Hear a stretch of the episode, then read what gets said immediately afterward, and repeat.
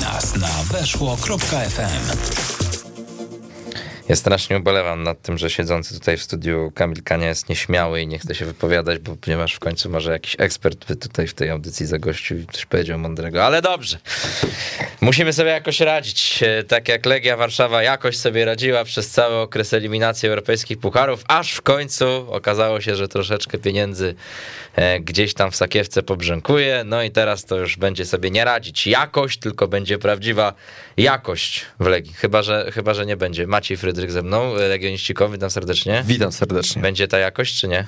No miejmy nadzieję, że jakoś będzie, patrząc na te transfery i końcówkę samego okienka em, transferowego, które miało miejsce wczoraj. Wydaje się, że jakoś powinno być. E, jednak no nie możemy być niczego pewni. Mam nadzieję, że transfery przynajmniej na papierze wydają się takie, jakie powinny być przed e, Ligą Europy, która teraz nas czeka. Tym bardziej, że to, co widzieliśmy w Krakowie wyglądało bardzo, bardzo, bardzo źle. Mhm. I na pewno nie poprawił tego fakt, że większość piłkarzy grało na nie swoich pozycjach.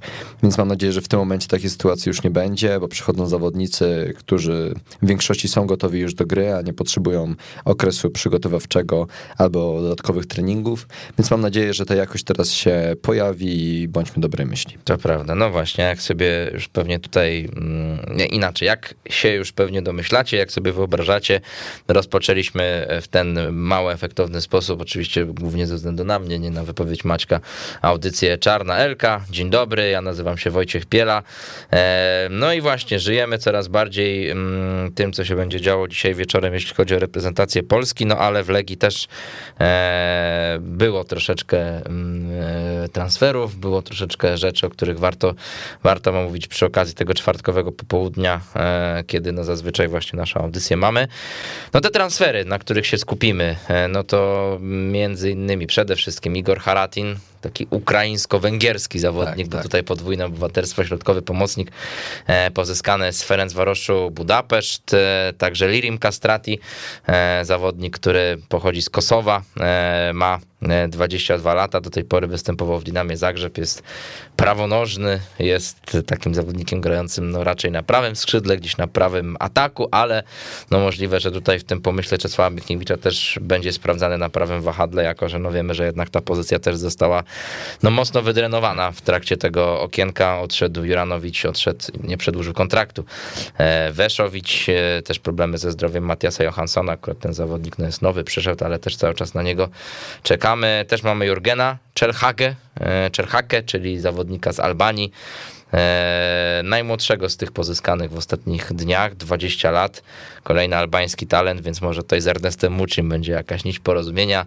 Środkowy pomocnik też, podobnie jak Haratin. Haratin tutaj nie mówię, 26 lat, czyli no też wcale nie jeszcze taki stary zawodnik, który w Ferencvaroszu Budapeszt też występował regularnie. Ostatnio nawet strzelił gola w wygranym przez Ferencvaros meczu z naszymi też niedawnymi znajomymi, czyli ze Slawią Praga 2 do 0 w eliminacji tak, Ligi z rzutu karnego chyba nawet, podobnie jak z Barceloną, bo o tym też tak, wszystkie media tak. huczały, że to jest zawodnik, który strzelał tym wielkiej Barcelonie jeszcze rok temu. No tak, no też była fajna historia, to yy, w tekście na Legianet chyba redaktor Żółkowski opisywał, którego też serdecznie pozdrawiam oczywiście z tego miejsca, yy, że on na tym Camp Nou rok wcześniej był na wycieczce takiej po prostu normalnie na takiej, to nie jest nic wielkiego, bo nawet ja na, nie, na takiej wycieczce byłem, więc to musicie sobie usmysłowić, że to mniej więcej na tym samym poziomie. Tak, Ale nie jest tania ta wycieczka, trzeba przyznać. No, no tak, ja miałem bilet ulgowy, tak, to niewątpliwie trzeba tu podkreślić. Yy, no ale tak, też sobie zwiedzał stadion, mógł sobie zrobić zdjęcie ze złotą piłką Messiego, no a rok później przyjechał już jako czynny zawodnik i to w rozgrywkach nie Copa del Rey, jakiejś tam wcześniejszej rundy, gdzie Barcelona może sobie trafić na czwartoligowca, tylko normalnie Liga Mistrzów.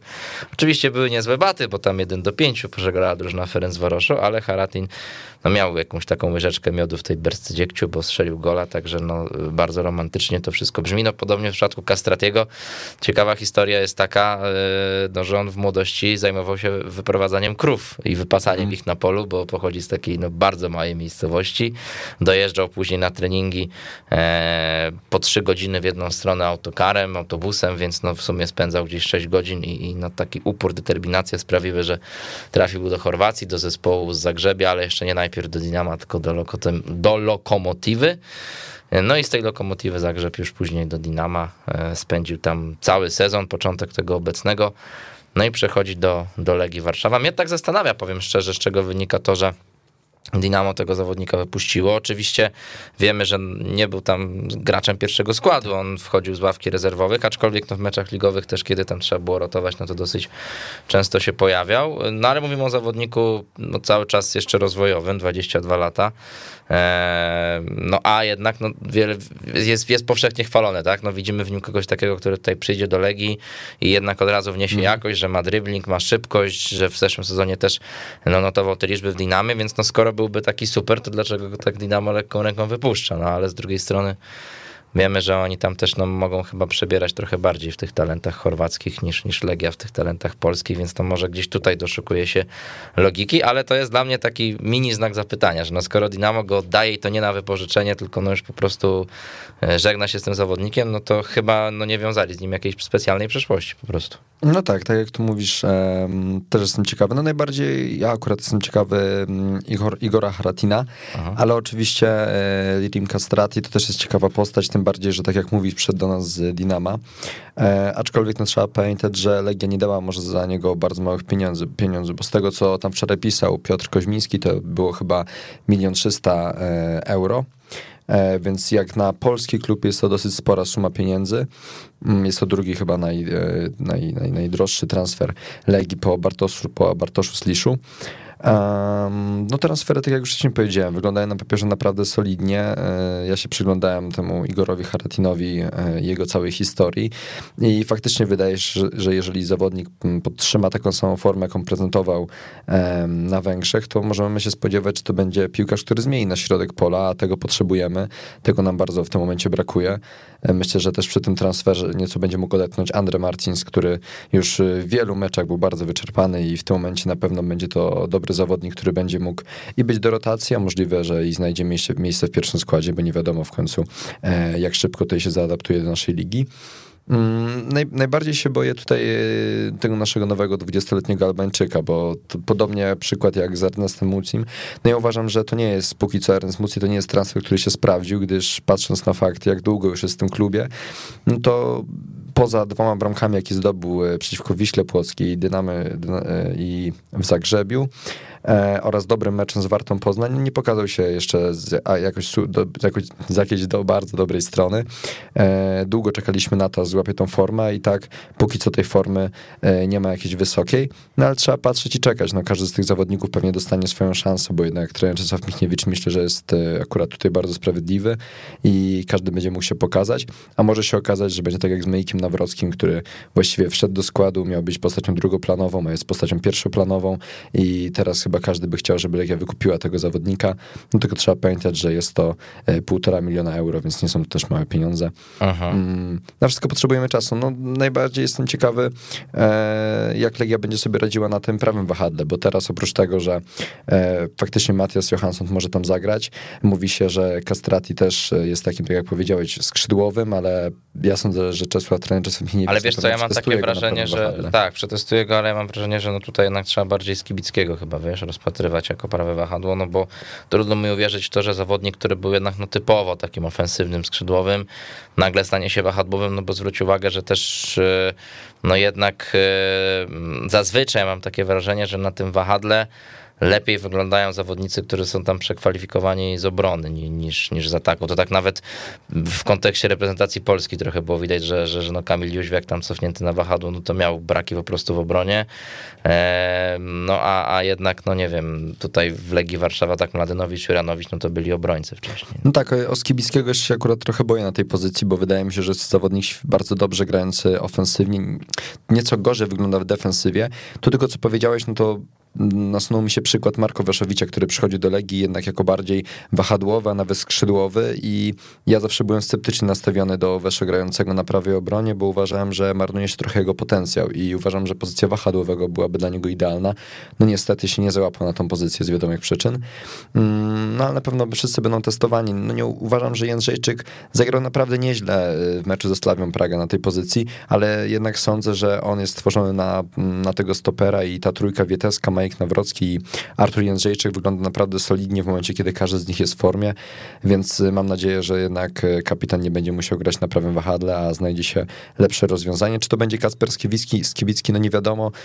Na pewno jeszcze on potrzebuje łapać tych minut, łapać tego doświadczenia i pewnie z czasem możliwe, że to będzie pozycja, a może i dla niego, kto wie, może się Aha. okaże, że będzie to taki właśnie nasz młody zawodnik, który wejdzie do gry i e, zostanie tam na dłużej. Aha. No cóż, no będziemy się na pewno temu przyglądać. Też taki zawodnik, który przyszedł w ostatnich dniach, aczkolwiek no już trochę wcześniej, to jest Yuri Ribeiro, e, Portugalczyk, który grał w Nottingham Forest jeszcze w zeszłym sezonie. Dosyć regularnie, tam już pod koniec poprzedniego sezonu mniej, ale, ale to też nie było tak, że nie wiem, na przykład w ogóle nie grał, nie wiem, od marca do końca sezonu, tylko, tylko no, po prostu te występy były rzadsze, no ale skończył mu się kontrakt. Dosyć długo klubu nie mógł znaleźć i, i, i trafił do Legii Warszawa w zeszłym tygodniu, już nawet zdążył zadebiutować tak. kilka minut w tym meczu z Wisłą Kraków. E, no i tutaj też na pewno na niego trzeba liczyć dosyć szybko, bo no, Mladenowicz wiemy, że jeszcze teraz w lidze nie będzie mógł grać e, ze względu na te jego wybryki średnio poważne z meczu z Radomiakiem. Mm. No a poza tym, no to też jest mm, piłkarz po pierwsze no niepozbawiony wad. Ja mam wrażenie, że Mladenowicz oczywiście super w ofensywie i, i ja nie ujmuję mu mhm. tego, że jest dla Legii bardzo ważną postacią i, i, integralną częścią składu, ale to też nie jest taki piłkarz idealny, nie do wygryzienia. Wydaje, wydaje mi się, że no jeżeli, nie wiem, no Ribeiro y, pokaże pełnię możliwości i nie wiem, poznamy go do jakiejś tam super mega strony, no to może nawet sprawić, że wyprzedzi Mladenowicza w tym wyścigu po, o miejsce w składzie, a no też pamiętajmy, że no Mladenowicz długo nie miał w ogóle zmiennika tak więc to tutaj siłą rzeczy na pewno, mm, przynajmniej jeżeli osiągnie taki sam poziom jak Mladenowicz, no to już będziemy pewnie z Portugalczyka zadowoleni. No i tutaj czasem trzeba będzie, żeby jeden zagrał w lidze, inny w pucharach i, i, i tak dalej, i tak dalej. No tak, tym bardziej, że Serb wygląda dużo gorzej e, niż to miało miejsce w zeszłym sezonie i mecz Praga pokazał to, co powiedziałeś, czyli e, wiele osób go chwaliło, ja też go chwaliłem za grę w ofensywie, ale w defensywie często jednak tymi rękami machał i do niej nie wracał, a jednak jak wiadomo, ten, ten wahadłowy to jest pozycja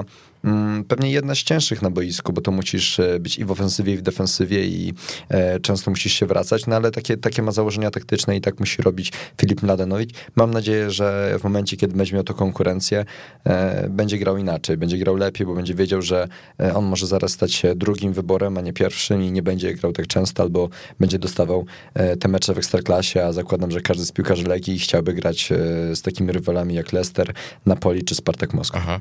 No dobrze, słuchajcie, zadzwońmy sobie teraz do Piotrka Kamienieckiego z TVP Sport. E, też troszeczkę porozmawiamy o tych ostatnich transferach, ale i e, pewnie o różnych innych wydarzeniach, które wokół Legii Warszawa się dzieją, na przykład w związku z wygasającymi kontraktami, czy to Bartosza Kapuski, czy Czesława Wichniewicza, bo to też są takie rzeczy, które może nie, nie są jeszcze tak nie wiadomo jak palące wśród kibiców Legii, ale im bliżej będzie czerwca i im dalej, im dalej te tematy nie będą załatwione, to na pewno będą te, te, te sprawy głośniejsze. Z tego co słyszę, mamy już Piotrka z nami. Witamy cię serdecznie, cześć. Witamy.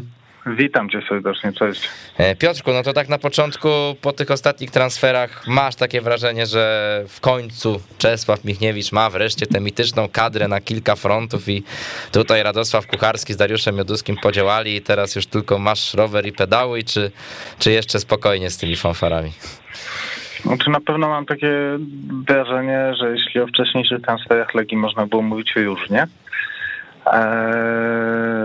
o jednych zawodnikach można byłoby mieć lepsze myśli, o drugich gorsze, ale e, zamknięcie okna transferowego w wykonaniu Legii oceniam szczerze mówiąc, no na piątkę. Mhm. Bo wreszcie postanowiono sięgnąć głębiej do portfela, postawiono na zawodników, którzy grają, są w rytmie meczowym, czyli siłą rzeczy tak naprawdę mogą od razu wskoczyć do składu, bo są na to gotowi.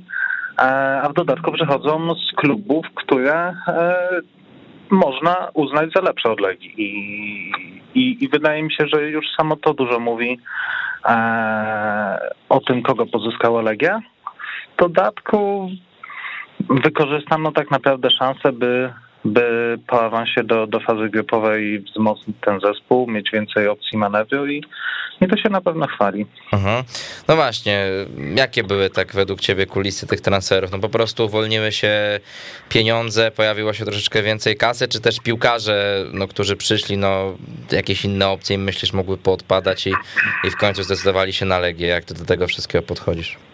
Ja myślę, że to zawsze działa wielotorowo, bo te ostatnie 2-3 dni okienka są takie, że dużo się dzieje. Czasami niektóre transfery zależą od e, całych mechanizmów powiązanych e, tak naprawdę gdzieś tam pomiędzy dwoma, trzema e, czy czterema klubami.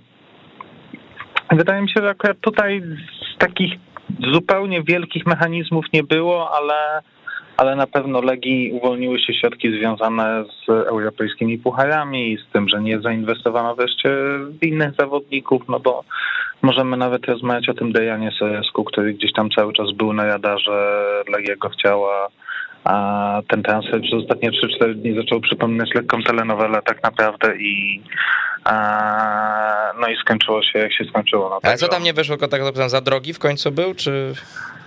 Mm, ja jeszcze 3, 4, 5 dni temu słyszałem, że Dynamo chce za Soresku około 2 milionów euro.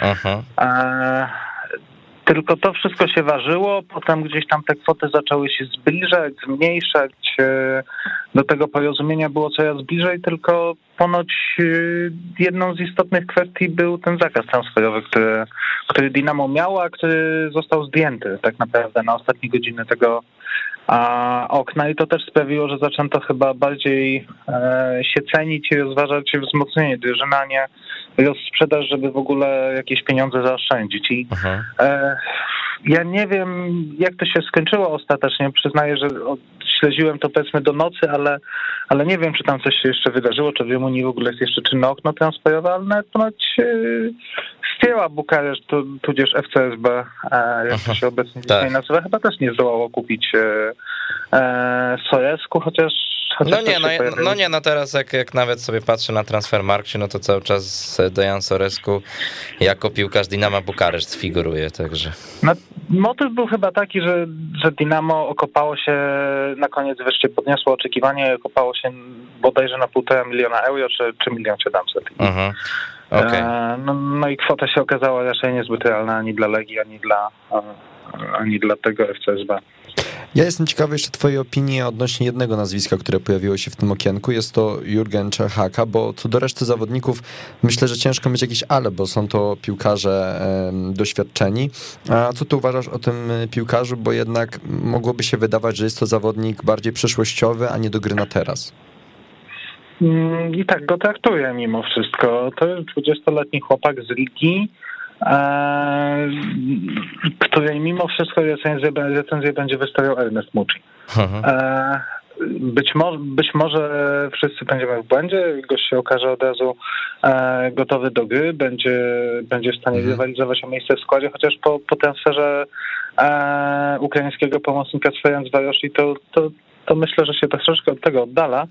Eee, ale dla mnie to jest melodia przyszłości. No, potrzebował plus minus pół roku, żeby się zaadaptować, e, a przede wszystkim przyzwyczaić do intensywności e, gry, jaka jest w Polsce, do fizyczności, do intensywności. I wiadomo, że każdy piłkarz jest inny. Ten, ten Segosen też jest troszeczkę bardziej fizycznym zawodnikiem niż, e, niż Mucci. Może będzie mu przez to łatwiej, ale mimo wszystko raczej sugerowałbym się tym, że, że będzie potrzebował chwili na adaptację, na przyzwyczajenie się do nowych warunków i, i, i pewnie szansę dostanie, tak? Bo, hmm. bo tych meczów jest naprawdę dużo. Legia przez całą rundę jesienną zagra zagra chyba więcej meczów niż niektórzy ekstraklasowicze przez cały sezon od, e, od lipca do maja powiedzmy, więc e, no szansę na pewno dostanie. No ale myślę, że jednak też e, inni będą pierwsi w kolejce do gry. Mhm.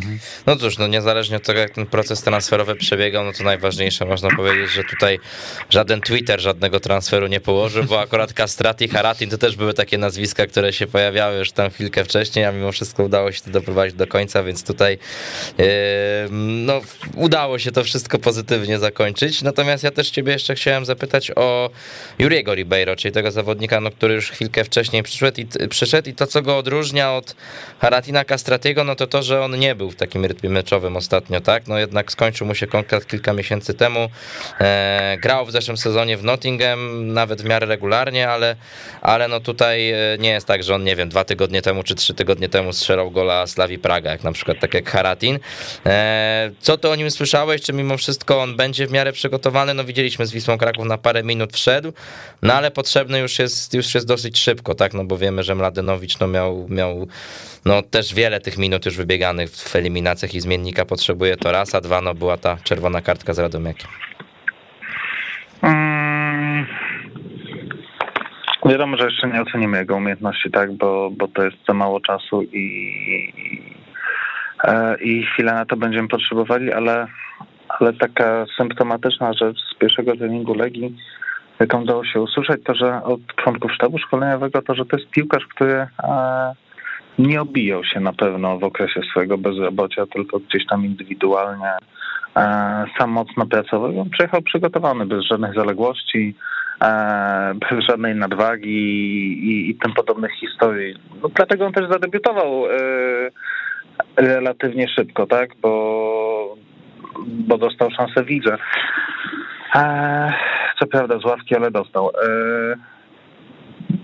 Wydaje mi się, że to na pewno będzie piłkarz do troszkę innej gry, bo nawet statystyki mówią o tym, że to nie będzie tak ofensywny piłkarz jak Mladenowicz, więc e, może to być ciekawe pole manewru dla trenera Michniewicza, bo rozważając już na opcję gry, to posiadanie bardziej defensywnego, wahadłowego, tudzież lewego obrońcy i bardziej ofensywnego może pozwolić na to, że e, na jedne mecze ktoś może być lepszym wyborem, tak? Bo jak się gra z mocniejszym przeciwnikiem, to czasem lepiej się nie odkrywać, ale też e, Mladenowicz to taki zawodnik, który ma mocną pozycję w zespole, jest e, dość istotną osobą w tej takiej układance osobowej, charakterologicznej bym powiedział, więc no, myślę, że na pewno będzie miał ciekawego konkurenta i, i, i ciekawie to może wyglądać w tych kolejnych tygodniach. Zostałbym jeszcze przy temacie transferów, ale bardziej bym się skupił też na Maiku Nawrockim, bo jest to zawodnik, który doszedł w tym okienku transferowym i dla wielu pewnie to przejście mogło wydawać się dziwne, patrząc na to, że w Warcie Poznań nie grał za wiele. E, jestem ciekaw, czy uważasz, że to jednak to półtora miliona euro, jeżeli by Maik Nawrocki grał na takim samym poziomie przez cały sezon, to czy jest on po prostu tyle wart?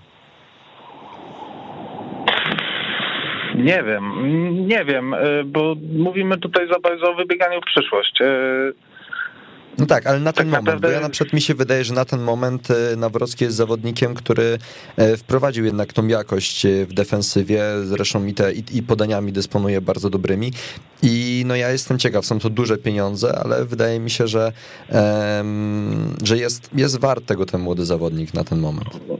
Ja nie wiem, czy Legia ma półtora miliona euro, żeby mimo wszystko podejmować mhm. ryzyko, aczkolwiek e, jakby jej szczęściem jest to, że ma cały sezon na to, żeby go obejrzeć z bliska w każdej możliwej sytuacji, w wielu meczach być może, no bo jeśli będzie utrzymywał taką formę, to stawiam, że będzie w tej trójce środkowych obrońców. E, I to jest szczęście Legii, że ona może podjąć bardzo przemyślaną, E, decyzje na podstawie dokładnej obserwacji.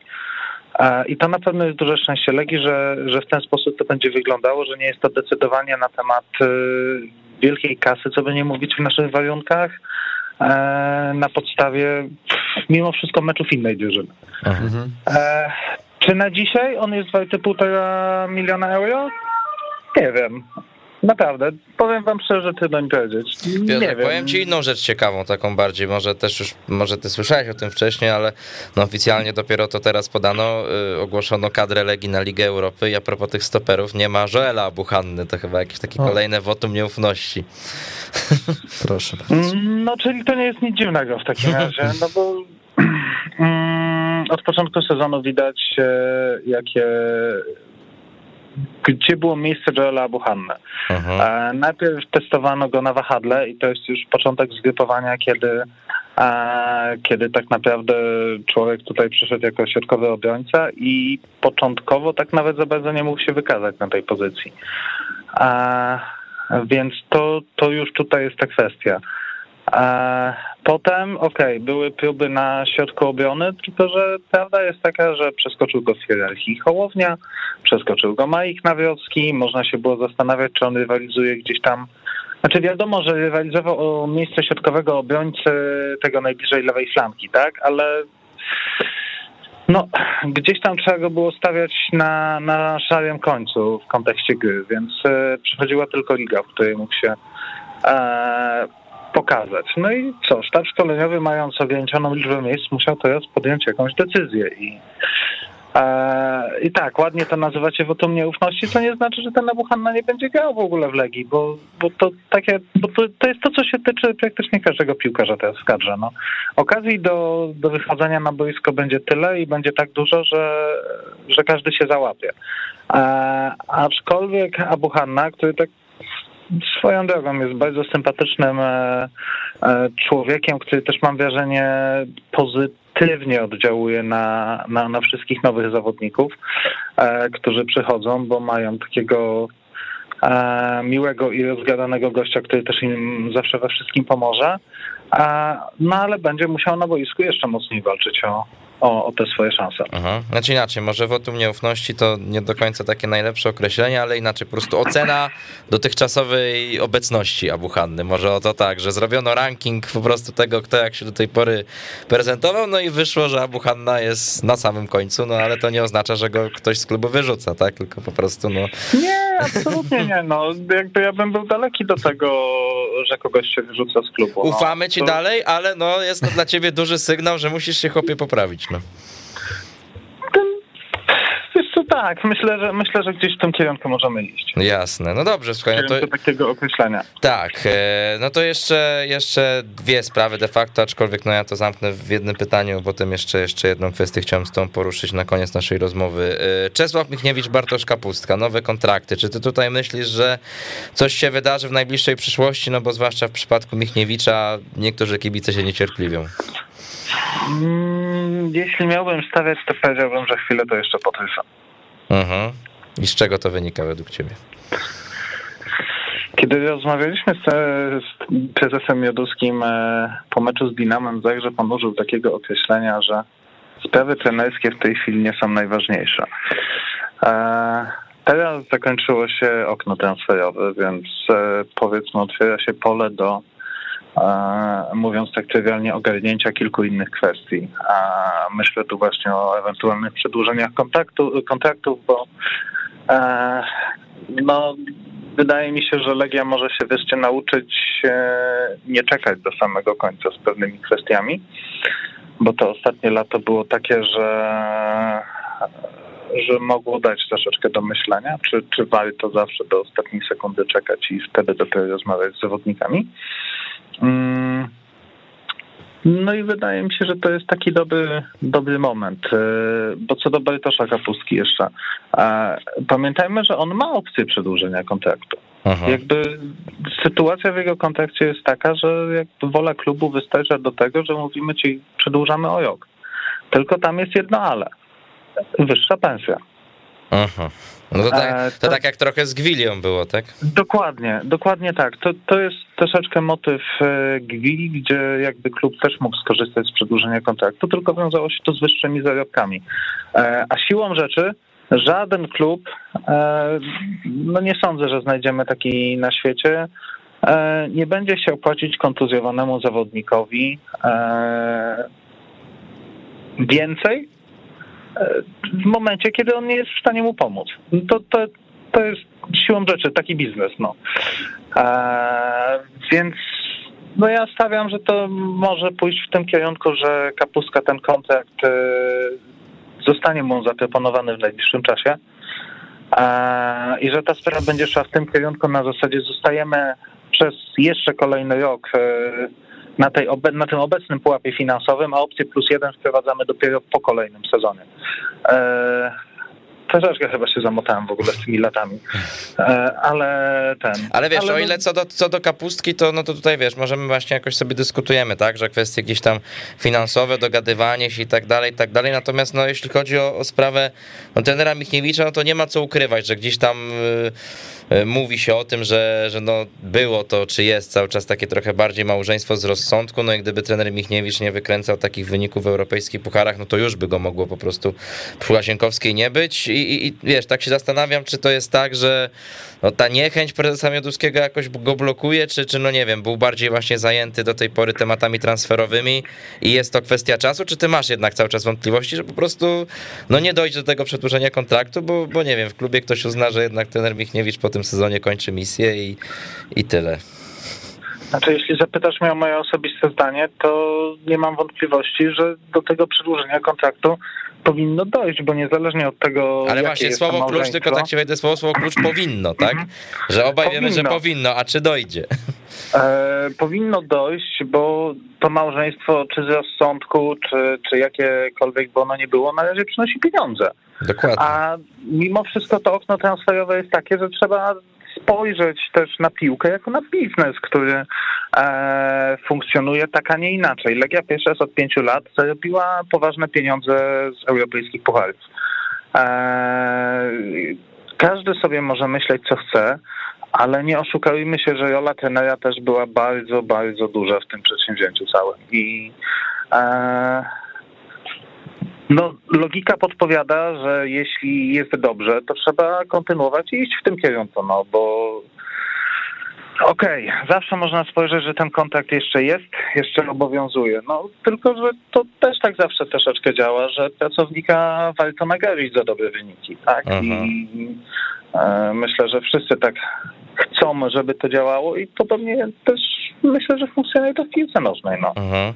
No właśnie, no dobrze, słuchaj, też jeszcze jedna kwestia tutaj, klub się skorygował, poprawił na stronie tę listę, to jest też sprzed kilku chwil poprawa, jednak jest ten Abuchanna dopisany, więc, Skorygowali. więc no nie wiem, czy to po prostu ktoś tam się machnął, czy, czy jednak zadzwonił ten Wichniewicz mówi, nie, no weźcie go tam, dopiszcie, czy co, ale tutaj e, prostujemy, jest, że Abuchanna zgłoszony do Ligi Europy też, więc no klub się poprawił, to i my się też poprawiamy. Natomiast no ostatnia kwestia... Nie ma, no. nie ma, nie ma wotum nieufności. Nie ma, nie ma ani wotum nieufności, ani nie ma. Może inaczej, może Abu Hanna musi uznać w takim razie tę chwilową nieobecność jako takie, że no jakimś tam dziwnym trafem wcale nie było tak, że nie wiem, Emreliego zapomnieli dopisać na trzy minuty tylko ciebie akurat, ale dobra, to już zostawiamy i na pewno no, wszyscy kibice liczą, że, że i Emreli, i Abu Hanna będą dobrze się prezentować, skoro już są na tej liście. Natomiast no, ostatnia kwestia, no to, to jak to będzie teraz właśnie w najbliższych dniach wyglądać, no bo wiemy, że, że kilka dni wolnego, tak? Chyba legioniści dostali, zresztą no dzisiaj były te Tak jest. różne mini pseudo aferki, ale bardziej chyba takie z uśmiechem na twarzy duży, jak Artur Boruc wrzucił, wiadomo, że sobie piwko pije, ale wiadomo, no to przecież na urlopie i ten, i oczywiście nic tutaj do tego nie ma. E, kilka dni urlopu, no i, i co? I kiedy, kiedy legioniści wracają, z tego co wiesz, czy tam jakiś, nie wiem, sparring jest planowany, czy nie i jak to będzie wyglądało w najbliższych dniach? Nie, nie, tak naprawdę o żadnym sparingu nie może być mowy, bo, bo nie byłoby go za bardzo kim zagrać. A, bo jakbyśmy sobie policzyli, to z piłkarzy Legii e, w Warszawie, już nie liczę teraz też tych ulopowanych, tak zakładam, Mhm. że oni też by zostali w mieście, e, ale to możemy mówić o bodajże, nie wiem, 10-12 nazwiskach. E, Duże jest grono kadrowiczów, e, niektórzy jeszcze musieli się tam doleczyć, tak naprawdę dojść do pełni zdrowia, więc, więc co by nie mówić, e, no nie było szans na żaden sparring, więc tak naprawdę cała zabawa zaczyna się od nowa w poniedziałek. Mhm. E, Wtedy już kto zdrów, kto gotów, e, ten wskakuje na pokład i, i zaczyna się tak naprawdę bardzo ważny czas w Legii, bo będzie, będzie mecz ze Śląskiem Wrocław, będzie mecz przepraszam, Na zdrówko. E, ze, dziękuję. E, będzie potem mecz ze Spartakiem Moskwa, więc tak naprawdę dużo emocji będzie gdzieś tam po stronie Legii. E, dużo się będzie działo, więc e, odpoczynek się przyda. Patrząc teraz na ten, patrząc na ten czas. Nie, no bo tak możemy mówić, ale ten. E, możemy mówić o różnych rzeczach, ale co by nie mówić, no Legia, Legia zagrała wiele spotkań od początku sezonu, teraz może troszeczkę odpocząć, troszeczkę odsapnąć i, i z nowymi siłami e, wrócić do, do walki. A taki odpoczynek to się pod względem mentalnym przyda. Bo, No tak, no tak. Ten, kto A- może, no to tak jak mówisz, no ten, kto może, to może, no bo Emreli widzieliśmy wczoraj w reprezentacji zagrał. Castrati zresztą też, no co prawda nie z Legią, ale też no, miał te mecze z Dinamem, no i też dzisiaj w reprezentacji Kosowa, także no Artur Boruc jest już w tej uprzywilejowanej pozycji, że on swojej reprezentacji się nagrał. No. Dokładnie. Także, także tak to wygląda. No dobrze Piotrku, dzięki wielkie, że byłeś z nami. bardzo. Dużo zdrówka i trzymaj się. Pozdrawiamy. Proszę bardzo, trzymajcie się, cześć, dziękuję bardzo. Piotrek Kamieniecki, TVP Sport był z nami. E, No i cóż, e, Dwie takie informacje, myślę, które też warto teraz powiedzieć. Jedna związana trochę z Legią, druga mniej, ale no też przyglądamy się temu, co się dzieje na Mistrzostwach Europy w siatkówce w Krakowie. E, reprezentacja Polski zagrała już pierwszego seta, szybko to wszystko idzie z Portugalią, 25 do 16 wygrany. E, no na całe szczęście Portugalia nie jest aż w siatkówkę tak dobra jak w piłkę nożną, więc tutaj może pójść troszeczkę lepiej. No druga rzecz, no to z dzisiejszego zarządu PZPN informacja o tym, że Dariusz Mioduski, czyli jest właściciel 100% akcji Legii Warszawa, także prezes Stołecznego Klubu Mistrza Polski został doradcą prezesa Polskiego Związku Piłki Nożnej do spraw zagranicznych oraz do spraw rozwoju strategii, także jak widać też naszemu prezesowi zmiana władz w PZPN tutaj pomaga w, powodzi się, powodzi się. w rozwijaniu swojej pozycji biznesowo-piłkarskiej. Słuchajcie, e, mamy dźwięk, e, który e, no, wyciąłem ja, ale który można powiedzieć przygotował, przyprowadził tutaj tę rozmowę Kamil Kania, który tu cały czas siedzi, się uśmiecha, przysłuchuje się i przegląda nam uważnie. Dzisiaj w poranku Kamil porozmawiał z innym Kamilem, z Kamilem Rogulskim, który w przeciwieństwie do nas prawdopodobnie widział jakikolwiek mecz Igora Haratina w życiu i to pewnie nie jeden, tylko kilka.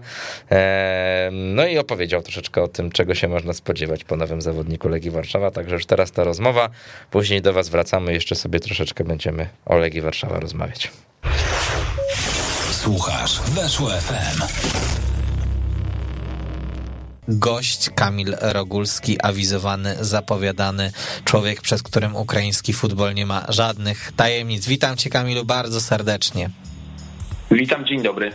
Dzień dobry. Ichor Haratin w Legii Warszawa. Jak ci się podoba ten transfer wychowanka Dynama Kijów?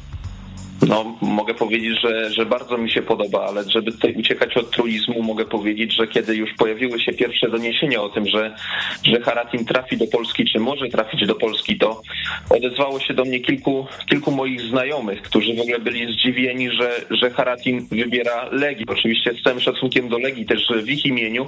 Oni po prostu liczyli, że Haratin może trafić do jakiegoś dobrego klubu w Holandii, czy w Belgii, czy w jakichś no, bardziej szanowanych ligach niż, niż Polska.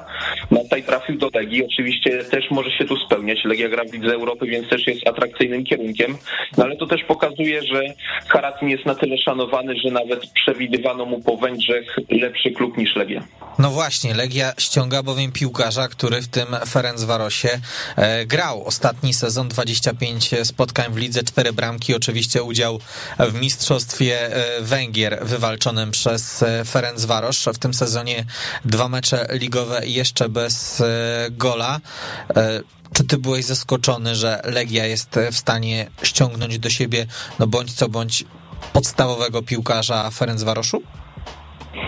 To znaczy, biorąc pod uwagę, kogo Ferencvaros ściągnął, bo tam musimy pamiętać, że tam gra i Stefan Lonczar, i Zachariasen. Tam ten środek pola wygląda naprawdę, naprawdę dobrze i tak naprawdę było wiadomo, że kogoś z tego środka pomocy muszą, e, muszą sprzedać. Też tak się zastanawiałem, to znaczy nie mam żadnych dowodów na to, ale myślę, że, że też sam Haratin lepiej dogadywał się z Rebrowem niż ze Sztegerem, dlatego myślę, że wraz z przyjściem nowego trenera po prostu szukał dla siebie już innych opcji w swojej karierze.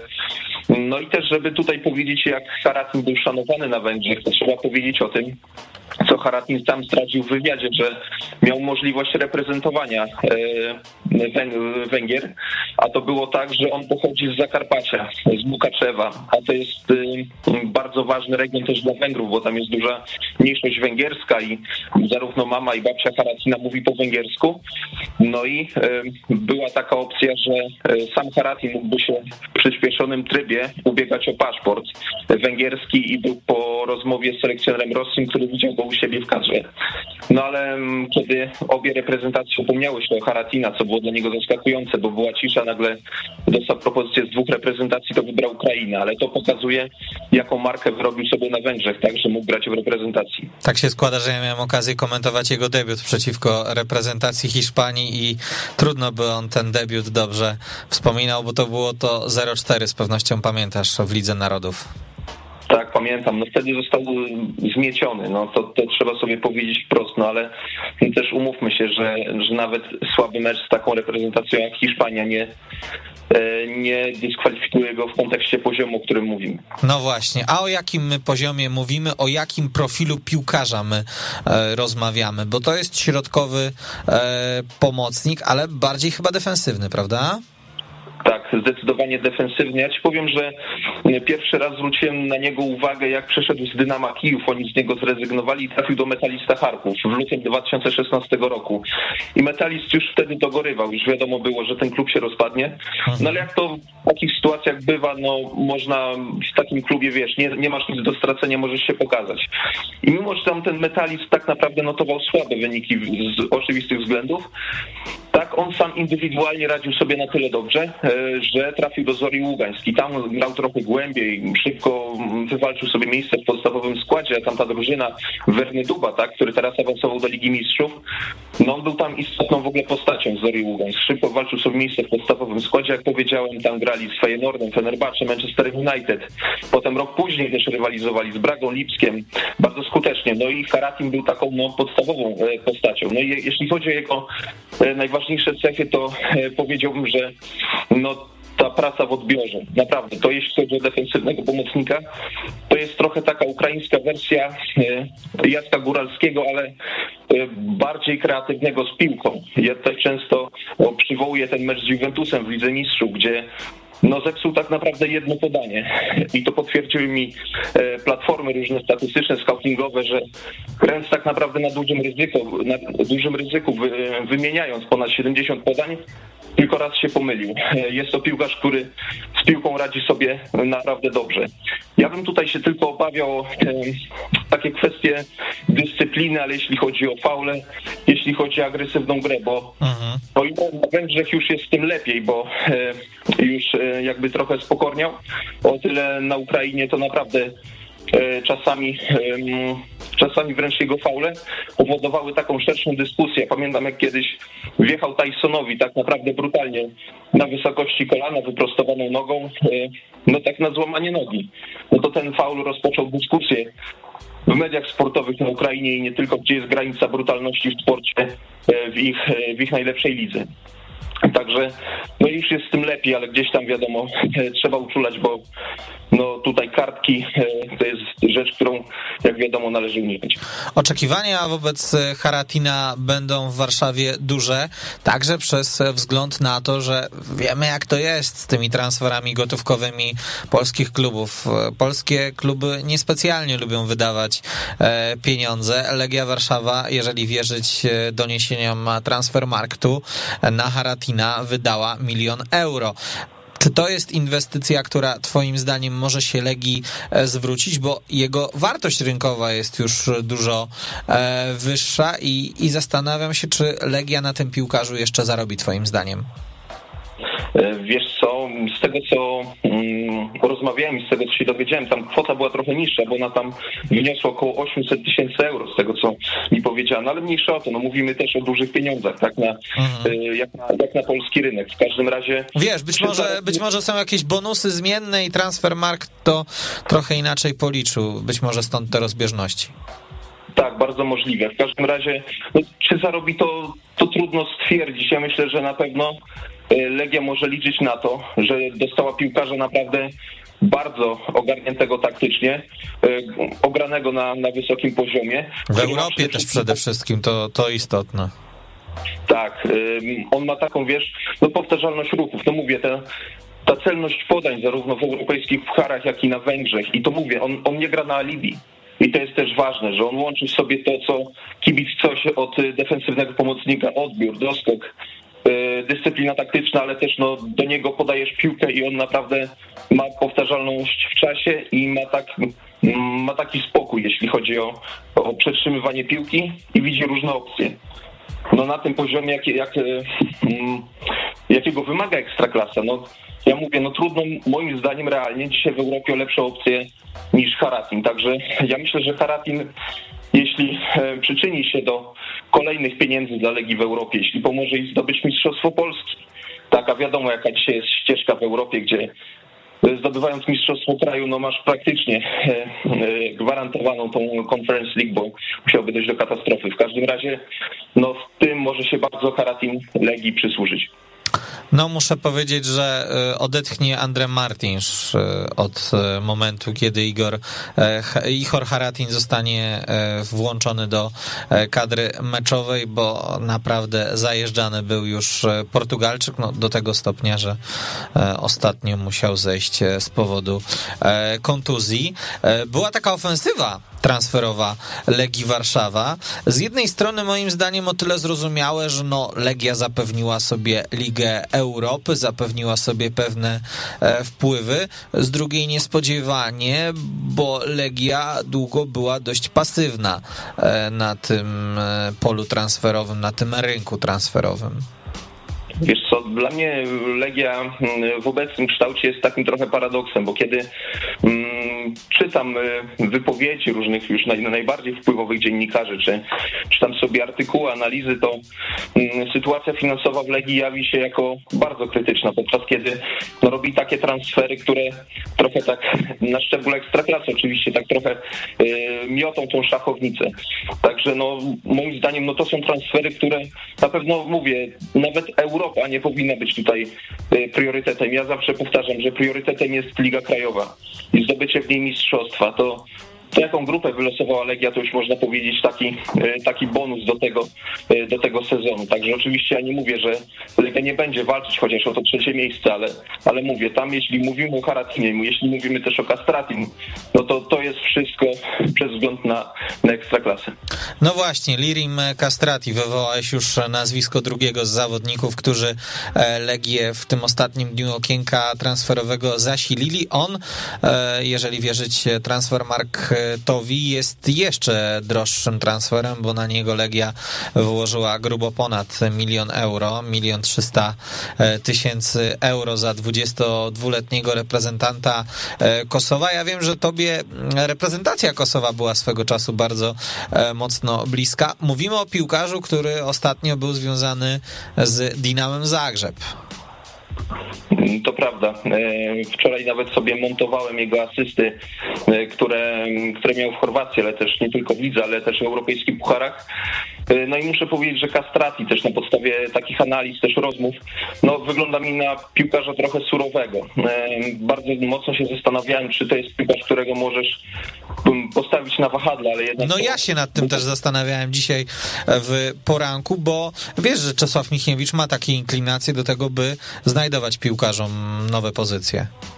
Ma, tylko wiesz, to może być trochę kasus y, Mladenowicza, czyli, czyli do przodu super, ale tyłu już gorzej. Mówię, to jest naj, naj, najbardziej paląca kwestia, jest gra w obronie, gdyż często u wahadłowych zapomina się, że tam jeszcze trzeba trochę bronić, nie? Ale w każdym razie on na pewno się broni bardzo mocno szybkością, no i też e, taką przebojowością, ale też nie chcę, żeby było odbierane jako taka gra bardzo prosta, może nawet prostacka, bo on też, on też sporo widzi, ale jak, jak mnie uczulano, e, a mam tam paru znajomych, tam przez lata sobie nabyłem e, w krajach, że tak powiem, bałkańskich, no to oni mnie ostrzegali, że no nad, nad kastratem trzeba pracować, bo to jest piłkarz, który musi przede wszystkim zachować większy spokój i musi trochę ujarzmić ten, te swoje własne umiejętności, czyli umieć na przykład zwolnić przed dośrodkowaniem, takie podstawowe rzeczy, nie? A on tak na wiesz, na pełnym gazie zawsze mm, od linii do linii, także no Castrati to jest piłkarz, nad którym trzeba będzie chyba jeszcze popracować na podstawie tego, co zaobserwowałem. No ja życzyłbym mu tego, żeby on zrobił w Legii taką furorę, jak na legijnym Twitterze zrobiła jego partnerka. Tak, no też, też, mu tego, e, też mu tego życzę. W każdym razie ja zawsze skupiam się na kwestiach e, piłkarskich. Jasne. E, Kamil, korzystając z okazji, chciałem na koniec Cię zapytać o wczorajsze oświadczenie selekcjonera reprezentacji Ukrainy. Być może ono nie jest wczorajsze, ale, ale ja do niego dotarłem wczoraj. Otóż nowy trener jasno zaznaczył, że jeżeli piłkarz wyjedzie grać do Rosji, bądź już gra w Rosji, Rosji, to nie ma szans liczyć na powołanie do reprezentacji e, Ukrainy. Jak ty się e, zapatrujesz i czy w ogóle mm, jest e, sens jakiejkolwiek dyskusji, czy po Jarosławie Rakickim już nie bardzo jest w ogóle o kim dyskutować? E, to znaczy, wiesz, dzisiaj, jeśli chodzi o tych, co grają w reprezentacji Ukrainy, to trzeba sobie, znaczy, tfu, przepraszam, w lidze rosyjskiej, e, to trzeba sobie powiedzieć jasno, że tam naprawdę nawet nie ma na kogo, na kogo zwrócić uwagi. Rakicki mógł wygrać w reprezentacji, ale potem, gdy, i to jest ważne, został odsunięty przez Szewczenkę po transferze do Zenita Sankt Petersburg, zakończył karierę. No i tak naprawdę dzisiaj nie ma nikogo, kto sportowo gdzieś tam by sięgał jakiegoś poważnego poziomu albo mógłby wydatnie pomóc tej kadrze. Wiesz co, ja zawsze jak ktoś mnie pyta, to ja mówię, że, że ja nie chcę mieszać polityki ze sportem, ale Ukraina mi pokazała, e, że nie da się trochę tego oddzielić. Tym bardziej tam. Jeśli ktoś mi pisze, że to jest głupie, idiotyczne, bo przecież e, piłkarz nie może e, nie może odpowiadać za, za armię rosyjską czy za rosyjskich polityków, to okej. Okay. Tylko, że Ukraina ma trochę trochę inny punkt widzenia z racji tego, że zamordowano kilka tysięcy co najmniej ich, e, ich obywateli. Także oni przede wszystkim w reprezentacji nie chcą kwasów, e, nie chcą żeby ktoś mm, budził taką złą atmosferę E, i żeby to powietrze było cięższe przez sam fakt, że ktoś gra, ktoś gra w Rosji. I to jest po prostu kontynuacja tego, co było za Andrija Szewczenki, bo on też, co prawda nie powiedział tego otwarcie, ale to, że odstawił Rakickiego po Zenicie, znaczy po transferze do Zenita, no już pokazuje, że, że ten wektor był, był jasny. Ja ci powiem szczerze, że początkowo też miałem ochotę napisać, że e, trochę to jest e, bez sensu, ale później e, przyszła taka refleksja, że mm, bardzo mi jest trudno postawić się na miejscu Ukraińców i, i oceniać w ten sposób to, to działanie selekcjonera. To jest cholernie trudna i, i bolesna sytuacja.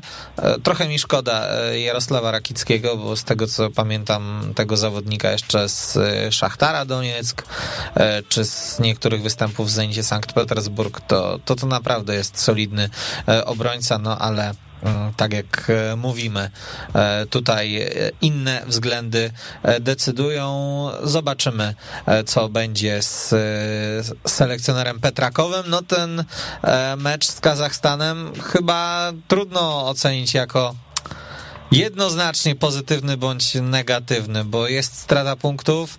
Z drugiej strony wiemy, jak to bywa w meczach y, na terenie Kazachstanu. Nie no wiesz, ten, biorąc pod uwagę oba mecze z Kazachstanem, no to jest masakra. Masakrą jest y, cała ta kampania Ukraińców, bo jak popatrzymy sobie tak, no z, z Francuzami ten jeden punkt to był sukces. Z Finlandią mieli wynik 1 do 0, po czym tak naprawdę Mykołęco w ostatnich sekundach oddał piłkę rywalowi w prostej sytuacji i był remis. Y, z Kazachstanem remis, potem znowu z Kazachstanem remis, gdzie y, Ukraina według expected goals powinna strzelić co najmniej 6 goli tam e, Kazachstan przekroczył w expected goals połowę 0,50, e, także no to rzadko widzę takie mecze, gdzie jest taka miażdżąca przewaga, co kończy się remisem. Tam powinni Karawajewa e, bardzo mocno wziąć w obroty, bo tak jak dwa razy się pomylił, to jest, to jest tragedia i katastrofa, także już Ukraina ma nóż na gardle i te mecze z Bośnią przede wszystkim będą kluczowe i oni muszą praktycznie już te dwa, dwa mecze wygrać, żeby awansować do playoffów. Kamil Rogulski był naszym gościem w dwójce bez sternika. Dziękujemy Ci, Kamil, bardzo serdecznie za, za to nasze poranne spotkanie. Dziękuję również. Weszło FM. Najlepsze radio sportowe. I to była właśnie rozmowa Kamila Kani z Kamilem Rogulskim o nowym pomocniku Legii Warszawa. Igor Haratin, 26-letni zawodnik Ferencvaroszu Budapeszt, dołączył do e, klubu. E, troszeczkę tych pieniędzy kosztował, ale droższy był Castrati, od którego z kolei w historii klubu droższy był tylko Bartosz Slisz, więc no to rzeczywiście transfery takie, e, po których no trzeba oczekiwać sporo.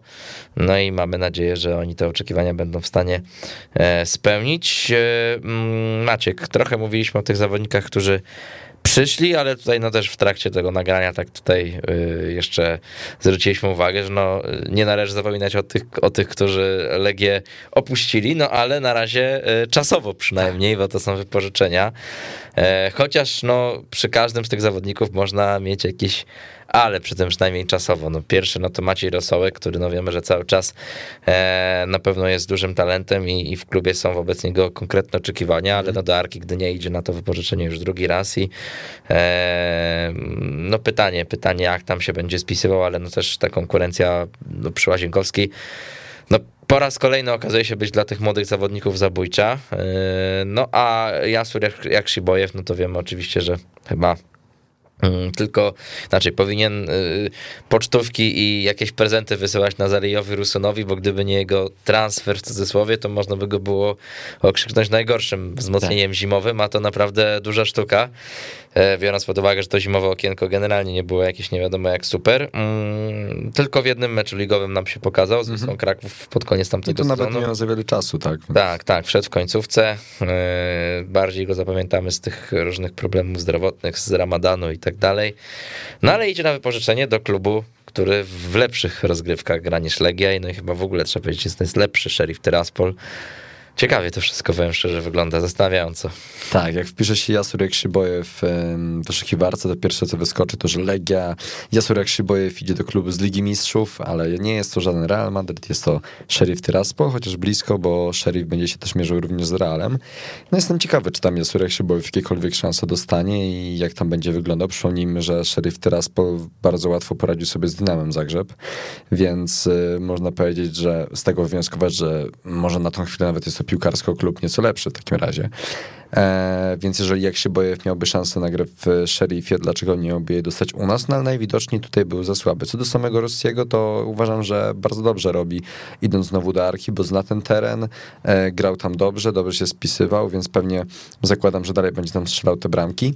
Jestem ciekawy, jak wyglądają rozmowy w klubie z Włodarczykiem i z Kostorzem, że żaden z nich nie zdecydował się na ewentualne wypożyczenie, bo no, patrząc na to, jaki aktualnie mamy skład napastników, że jest Emreli, jest Peckhart, jest jeszcze Lopez, jest taka nasza święta trójka snajperów, no to ciężko o szansę dla młodego Włodarczyka i młodego Kostorza, tym bardziej dla Włodarczyka, który jeszcze rzadziej jakkolwiek pojawia się na placu gry. E, no, myślę, myślę, że Rosołek podjął jak najbardziej słuszną decyzję, o czym, o czym będziemy to wiedzieli pewnie za kilka miesięcy, ale myślę, że powrót do Arki Gdynia, którą już dobrze zna, jest naprawdę mądre i jestem ciekaw, jak to sobie będzie radził. E, tym bardziej, że trener Czesław Michniewicz też mówił, że Rosołek wyglądał dużo lepiej, wygląda dużo lepiej niż Kostosz czy Włodarczyk po tym powrocie z Arki i miejmy nadzieję, że teraz wróci jeszcze bardziej odmieniony, jeszcze lepszy i może w końcu znajdzie też szansę tutaj w Legii. E, a, póki co dobrze, że w tym, e, podczas tych ostatnich dni okienka transferowego jednak więcej zawodników nie odeszło, bo tutaj e, przewijały się różne nazwiska, że może gdzieś Peckhardt poszedł, e, coś tam niby było ze Slisza, no koniec końców skończyło się na Jaksie Bojewi i Rosołku i to na jedynie na wypożyczeniach, z czego jestem bardzo, bardzo zadowolony. Mhm. E, no poznaliśmy już też jakiś czas temu tę grupę Legii w Lidze Europy, całkiem ciekawa, Napoli, Leicester, Spartak, Moskwa. Na jaki ty mecz, na jakiego ty rywala najbardziej czekasz? Y, chyba bardziej na Leicester niż na e, Napoli, bo jednak Leicester to jest klub z Premier League, te wszystkie, zawsze dla mnie to Premier League mi się wydaje takie bardzo odległe i takie najmocniejsze -huh. i w ogóle są nie dotknięcia. No jednak będą fajne pojedynki, tak? Będzie Jamie Vardy kontra Emreli. E... No wiesz, nie wiadomo też w jakim składzie Leicester Oczywiście, wyjdzie, że tak, jasne, że tak. Ale, ale tak jak się patrzy na, na te poprzednie rozgrywki e, w wykonaniu listów Ligi Europy, no to tam oczywiście Brendan Rodgers rotował, ale oni mają na tyle szeroką kadrę, że nawet ci rezerwowi to są bardzo dobrzy zawodnicy, tacy z tego trochę innego świata, więc no nawet jeżeli tam nie zagra Wardi, no to będzie, nie wiem, no Kelechi, Anacho, mm -hmm. Patson Daka, -hmm. no to to są naprawdę nieśli zawodnicy. Tak, no w sensie to, może to nie jest moja wymarzona grupa, bo y, nie chciałem za bardzo wylosować na poli, bo jednak pamiętam, no jeszcze niedawno graliśmy. Pamiętasz te, te tak, jakby, baty? No właśnie nawet, czy by to były baty, czy nie, to takie chciałem świeżości, liczyłem może jakiś klub z Francji, by coś takiego fajnego się wydarzyło, ale Leicester jak najbardziej mnie cieszy i cieszy mnie też e, jednak bitwa ze Spartakiem Moskwy, bo to będzie bardzo fajny mecz i nasi kibice i kibice w Rosji na pewno będą się tym elektryzować i prawdopodobnie to będzie e, kluczowe, kluczowe starcie, co mnie bardzo cieszy. No jeśli chodzi o samo Leicester, no to to Leicester i Napoli to będą dwa piękne święta, na pewno Łazienkowska zapełni się e, tak jak na meczu z Dynamem Zagrzeb i potem tak jak mogło się zapełnić na Slawi Praga, no bo to jednak przyjeżdżają drużyny z zupełnie innej półki, z wyższej półki, Nie chcę mówić, jak tu punktowo to będzie wyglądało. No mam nadzieję, że z Spartakiem uda się przynajmniej jedno spotkanie wygrać, może drugie zremisować, a na Poli Leicester to, to już są jedynie jakieś plany, to już są jedynie jakieś marzenia. No, fajnie, gdybyśmy po prostu zaprezentowali się z niezłej strony, dobra, dobra defensywa, może by coś tam jakoś nam wpadło, tak jak graliśmy z Realem. E, może wrócą te czasy i znowu będziemy się cieszyli e, z dobrych pojedynków Legii w Lidze Europy z rywalami z najwyższej półki. Zwłaszcza, że się Spartak osłabia przed starciami z Legią, bo Alex Kral, e, środkowy pomocnik, reprezentant Czech, odszedł do West Hamu, także no powiększyła się ta czeska kolonia w ekipie Młotów, bo tam przecież jeszcze Sołczek i Czoufal, ale no w Spartaku u, u, ubytki, ubytki, także no może tutaj Legia rzeczywiście będzie w stanie coś tam powalczyć. No cóż, no już pierwszy mecz po tej przerwie reprezentacyjnej nie będzie taki e, łatwy, no bo 11 mm, września w sobotę Legia się zmierzy na wyjeździe ze Śląskiem Wrocław, tam stary mhm. znajomy, czyli Jacek Magiera będzie próbował Dokładnie. legionistów przechytrzyć, no i tak jak tutaj też Piotrek mówił, no mm, trudny czas przed Legią, no bo jak sobie tak patrzę na ten najbliższy terminarz, no to jest właśnie Śląsk na wyjeździe, e, później Spartak w, w środę, od razu no też to taki ciekawy termin, bo mecz Ligi Europy w środę o 16.30, tak. E, więc to po pierwsze godzina taka może mało ekskluzywna, ale i też dziennie taki konkretnie przy Lidze Europy, aczkolwiek no tutaj dzień można powiedzieć dodaje atrakcyjności, no bo w środę zazwyczaj to Liga Mistrzów. E, później Górnik Łęczna u siebie, no to powiedzmy, że zapowiada się łatwiej, ale no już lepiej. Ale wiadomo jak to jest. Jakby wiadomo jak z tymi łatwiejszymi meczami no, bywa. No, no, później Raków Częstochowa, no to, no to tutaj wiadomo, że będzie na noże walka. Później Puchar Polski z Wigrami Suwałki, też mecz z Leicester, później w Lidze Europy, więc no no i później też Lechia Gdańsk, Lech Poznań, no, no, no, no ci rywale nie będą z łatwej półki. No. To naprawdę będą bardzo ciężkie, ciężkie teraz e, miesiące, końcówka roku będzie bardzo ciężka dla Legii. No, zapewne będą wzloty i upadki. E, obawiam się, że pewnie właśnie będziemy tracili punkty na takich drużynie jak Górnik Łęczna, czy będziemy do 90 minuty się bili z Wigrami Suwałki o awans. No niestety to pewnie tak będzie wyglądało, ale mam nadzieję, że pogodzimy to wszystko lepiej niż, niż Lech Poznań w zeszłym sezonie. Są dobre transfery, potrzebujemy tylko jeszcze dobrej gry, takie jak ze Slawią Praga i jestem dobrej myśli. No dobrze, słuchajcie, dobrnęliśmy do szczęśliwego końca naszej audycji. Ja tylko powiem jeszcze e, dwie rzeczy z siatkówki. Trwa drugi set, Polska-Portugalia, tam już tak łatwo nie jest. 21 do 18 prowadzą Portugalczycy, więc to wychodzi na to, że nie tylko w piłkę nożną są tacy dobrzy. W pierwszym secie zrobili zasłodę dymną, no ale miejmy nadzieję oczywiście, że też nasi siatkarze jeszcze tam wrócą na dobre tory. A podobnie jak ich młodsi koledzy, bo to też warto podkreślić, bardzo dobra informacja dla polskiego sportu, że, że młodzieżowa reprezentacja reprezentacja nasza w siatkówce, że są następcy, są następcy. Może nawet, może nawet będą lepsi. 3 e, do 0 zwycięstwo e, Polski z Bułgarią w finale młodzieżowych Mistrzostw Świata do lat 19, no także, e, także cieszymy się, gratulujemy. No i tutaj też mamy nadzieję, że piłkarze się za, zainspirują wieczorem pokonując Albanię. No tam jeżeli chodzi o te akcenty legijne, no to zbyt wiele bym się nie spodziewał. Mamy Bartosza Slisza, ale no powiem szczerze, że prędzej się spodziewam tego, że jednak na przykład ta Portugalia nas ogra dzisiaj w siatkówkę, niż na przykład wygrywamy z Bułgarią po golu Bartosza Slisza akurat, ale e, tak, tak, tak, tak, tak, z Albanią, tak, ta Bułgaria mi się tu wkleiła, tak, tak, tak, niż wygrywamy z Albanią po golu Bartosza Slisza, e, no ale oczywiście wiadomo, no gdyby się tak stało, to nie mam nic przeciwko. E, Maciek Frydryk, dzięki wielkie. Dziękuję ślicznie. Ja nazywam się Wojciech Piela, to była audycja Czarna Elka. Trzymajcie się, do usłyszenia. Cześć. Weszło FM. Najlepsze radio sportowe.